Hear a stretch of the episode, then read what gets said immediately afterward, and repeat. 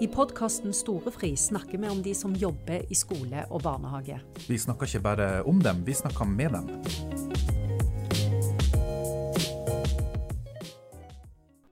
Hjertelig velkommen til denne podkasten som foregår fra Arendalsuka podkasten Storefri. Og eh, Sonja og jeg vi har eh, satt oss på bussen og reist til eh, Arendal. Og her skal vi prate med en rekke spennende mennesker som har ting å fortelle som vi håper du vil finne interessant. Vi har etablert oss i en seilbåt som ligger midt i havna i Arendal. Så ser du oss og vimpelen som det står utdanning på, så ta gjerne turen innom. Ehm, I dag så eh, har vi huka tak i en person som har snakka om et eh, spennende, men eh, nokså dystert tema, nemlig ungdom som dreper. James Garbarino han er ekspert på dette og har tatt turen til Arendal helt ifra USA. Welcome to Norway um, and to our humble pod studio here in, uh, in called the, the Sailor. And I understand this is your first visit to this part of Europe, is that correct? Uh, this part of uh, Norway, yes. I've been to Trondheim and to oh. Oslo, but never down south here. All right. About time then. Yes.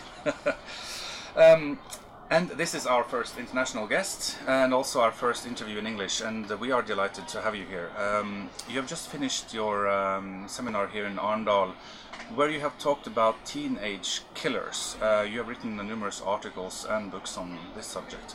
Why do young people kill? Well, it depends. It depends on a lot of things, uh, some of which are part of the cultural and social context in which they're growing up.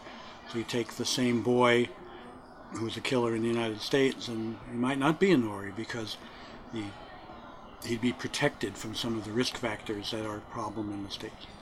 So, to be a sort of um, general answer, probably 85% of the time, it's because of social factors in their experience uh, abuse, uh, deprivation, racism, abandonment, all these uh, toxic, adverse childhood experiences that uh, disrupt their development, that alienate them, uh, and then they're drawn into crimes either of gangs uh, or they're drawn into crimes of uh, that come from other crimes, from robberies. Uh, uh, some of them come from crimes of relationship.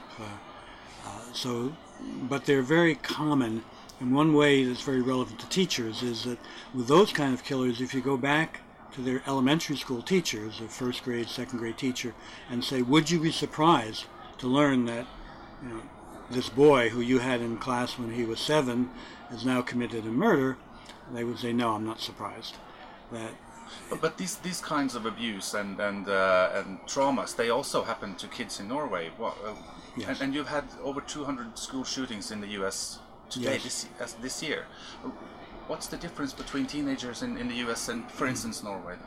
Well, I think the you know on those 85 percent, the difference is that you care for children more consistently, more comprehensively here than we do there. To give you an example, uh, 20 years ago I was here uh, as an outside evaluator for a doctoral dissertation in a Norwegian university. And the person was studying the effectiveness of therapeutic nursery schools for high risk children. And I said to her at the end, Well, what about all the children who you don't identify early?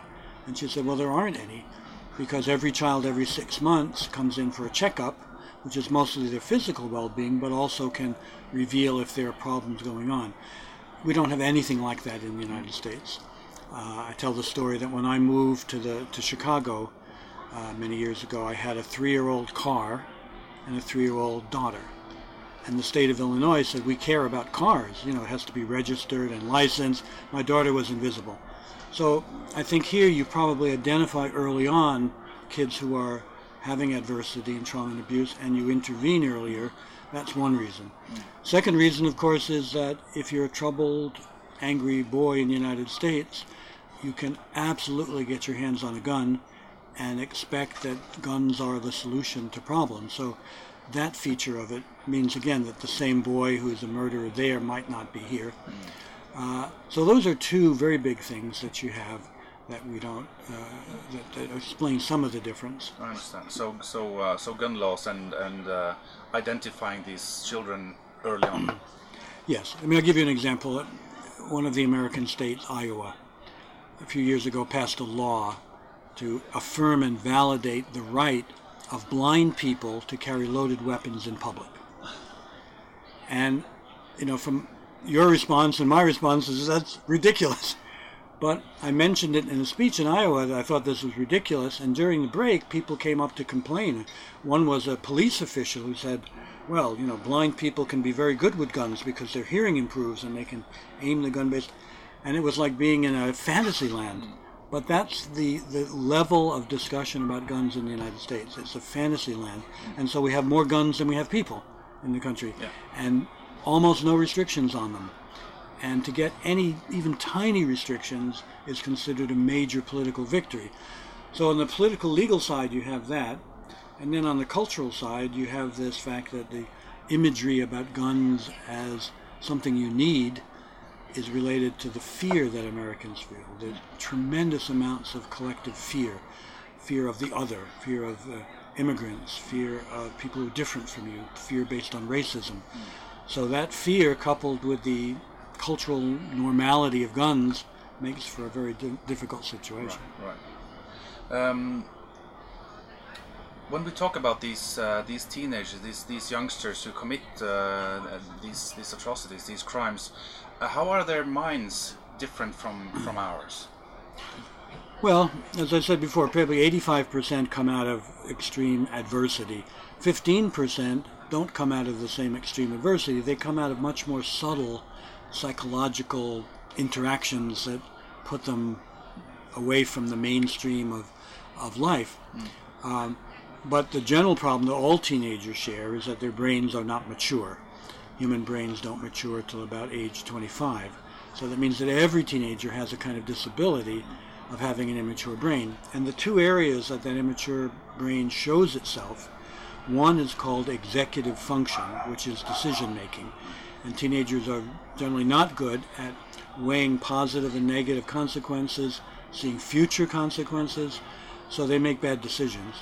And the other part is called affective or emotional regulation, that their brains are not as good as managing feelings, and so they get extreme feelings. They get, if they feel sad, they feel terribly sad. If they get angry, they're impossibly angry. And with the maturing of the brain at age 25, it, it integrates feelings and thoughts better and tends to provide the foundation for not just self-control, but also reflection and awareness. The part of the brain that controls the intensity of feeling reaches its peak at about age 14. So everything, for negative or positive, feels more intense at 14. And so that makes them particularly at risk for certain kinds of criminal behavior because if somebody insults them, they feel the insult more intensely than anybody else. If they're afraid of someone, they feel the fear more intensely. And so all of these things conspire to make teenagers a risky group when it comes to that. And I say in the United States, we add on these other risk factors and translate that into uh, terrible, terrible outcomes. How about gender?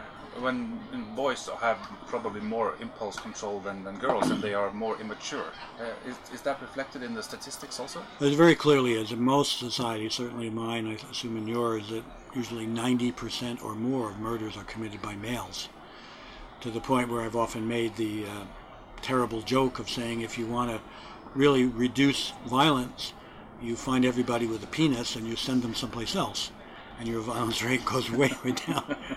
So usually men, men don't like that joke as much as women do, but it makes a point. You know, it, again, it's a ridiculous solution, but it does make a point that we talk about violence as if it's equally distributed, but you know, violence and male are so closely connected that it, we shouldn't really allow ourselves to separate the two. And then, of course, the question is, why are they so closely connected? Some of that does seem to be genetic. Males are vulnerable in part because uh, females have two X chromosomes, which has each has 5,000 genes on it.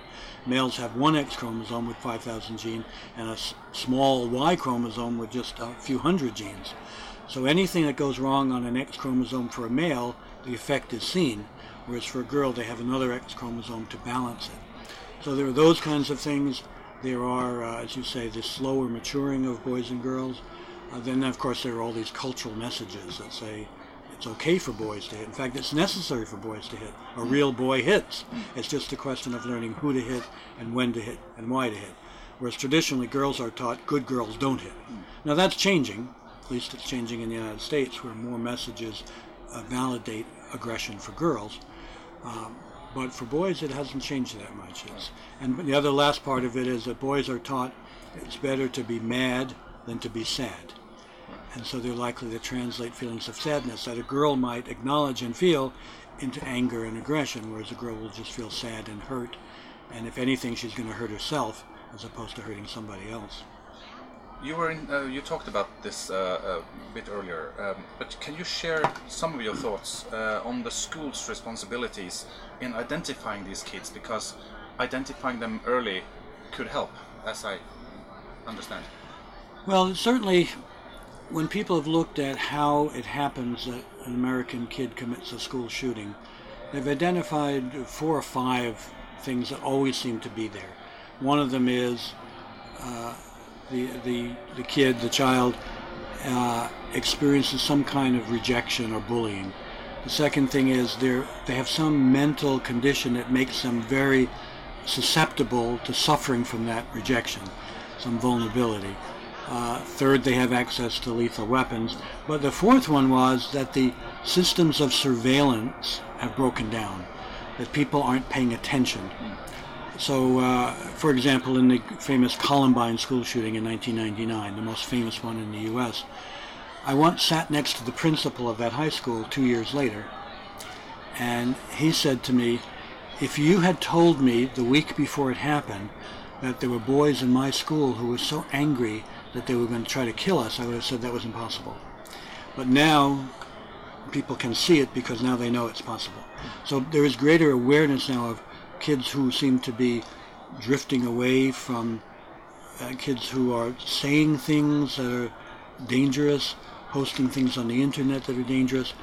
But the, the, the biggest problem still is that teenagers won't tell adults about other teenagers.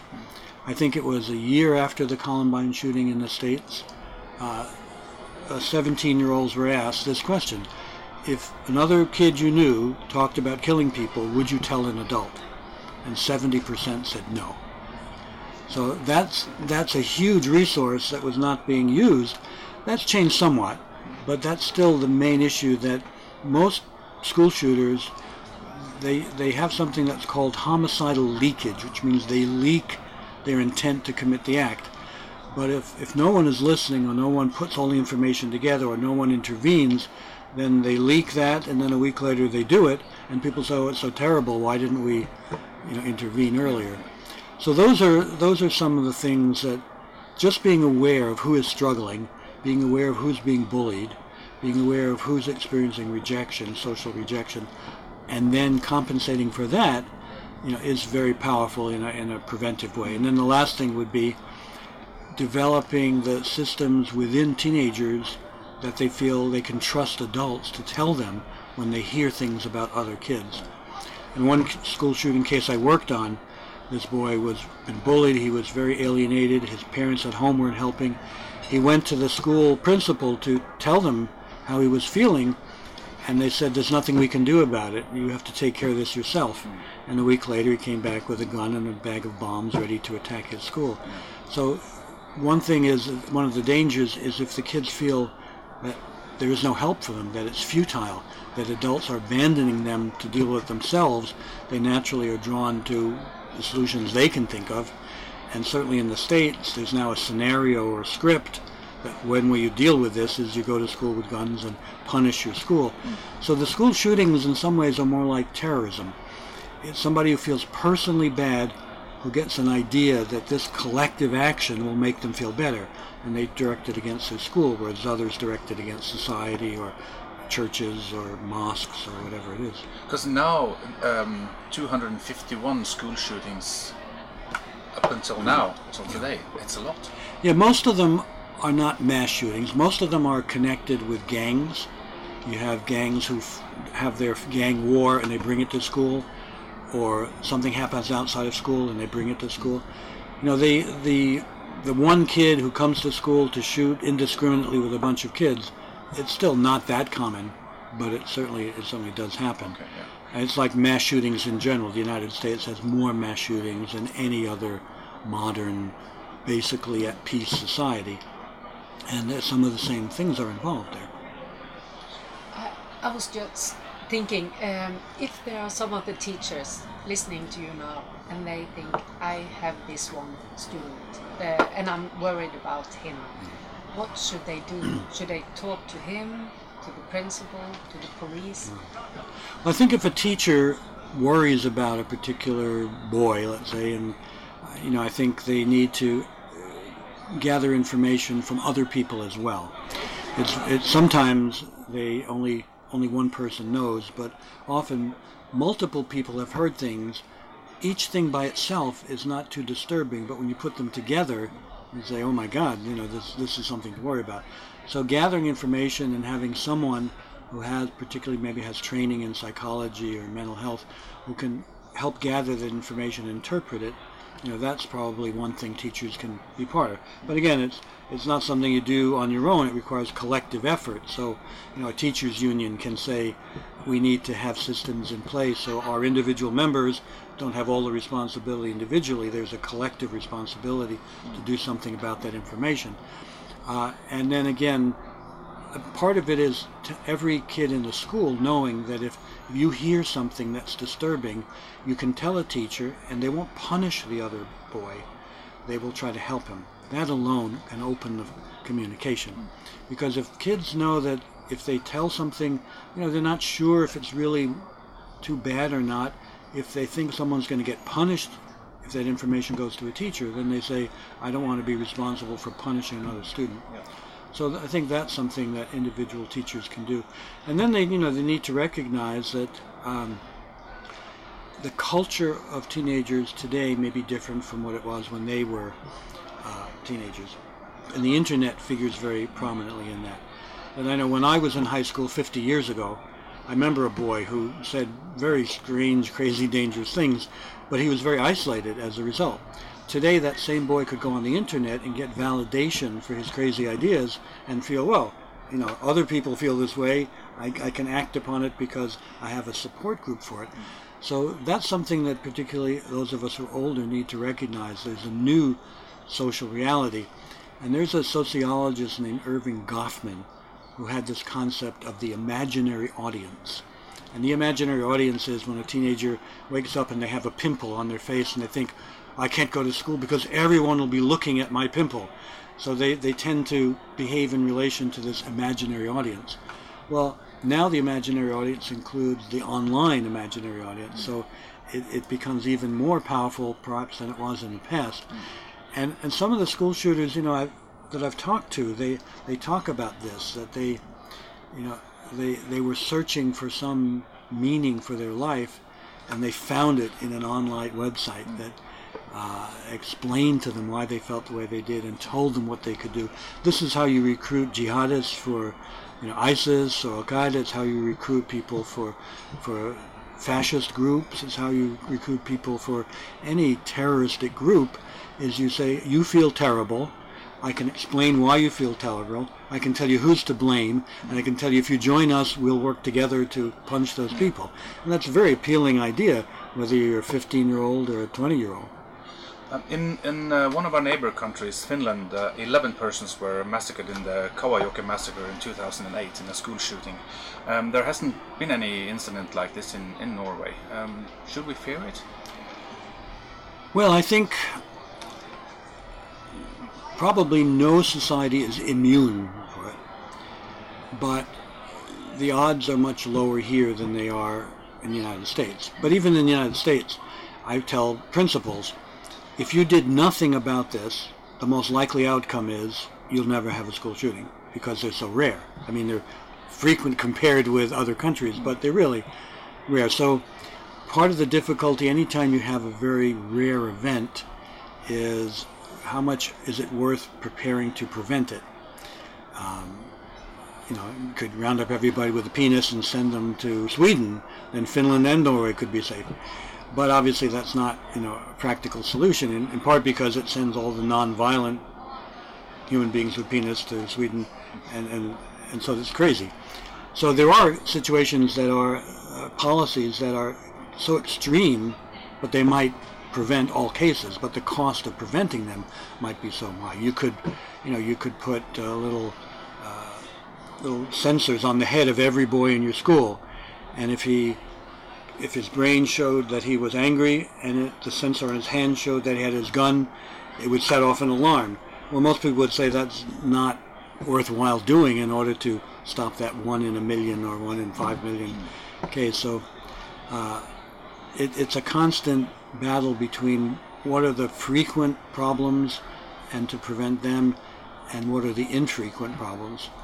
Uh, but obviously in the United States, it's gotten frequent enough where people think it's worth paying attention to. One last question. Um, there is an ongoing debate, and it has been going on for years and years, on how much responsibility should be placed on teachers and, and the school system. But how, um, how about parents? Uh, why does it seem like parents aren't aware of their children's agenda, like in the Columbine shootings? You have been talking about that, and the parents had no idea what was going on beforehand. Well, sometimes I think that any solution that depends on parents being aware is doomed because there are always going to be parents who are not aware. Now, in the case of the Columbine shooting, uh, their son was very skillful in hiding from them. And in a way, it's not surprising they didn't know because he was very good at hiding it from them. Mm. And that's less true in some other cases. But we, we did a study at one point called The Secret Life of Teenagers. And we did it with successful university students. So these were students who had done well enough to come to a high prestige university. And we asked them a series of questions. And when you were a teenager, did you feel this? Did you do that? And so on. And did your parents know? And so, for example, we found um, 30% of the female teenagers said they had seriously thought about committing suicide. And only 10% said their parents knew. And every item was like that. Uh, did you did you realize that you were gay or lesbian? 10% said yes. 90% said my parents never knew. Uh, things like, did you ever get in trouble with the police? You know, and 25% said yes, and 80% said my parents never knew. So parents don't know, and it's partly because teenagers don't tell them, and teenagers get good at hiding. And sometimes it's because parents are psychologically unavailable, uh, but the most common reason is that teen- they don't display to their parents what they see outside. And of course, we know the other happens. Parents will, will come to a teacher conference and the teacher will say, oh, your 13-year-old daughter is so polite and, and speaks so well. And they say, are you sure you have my daughter? Because at home, you know, she's bad-mouthing and so on. So there's often a discrepancy between home and what they do at school, and it can work in either direction. Thank you very much, Mr. James Garbarino. Thank you. Pleasure to be with you. Thanks. Podkasten Storefri er produsert av Utdanning.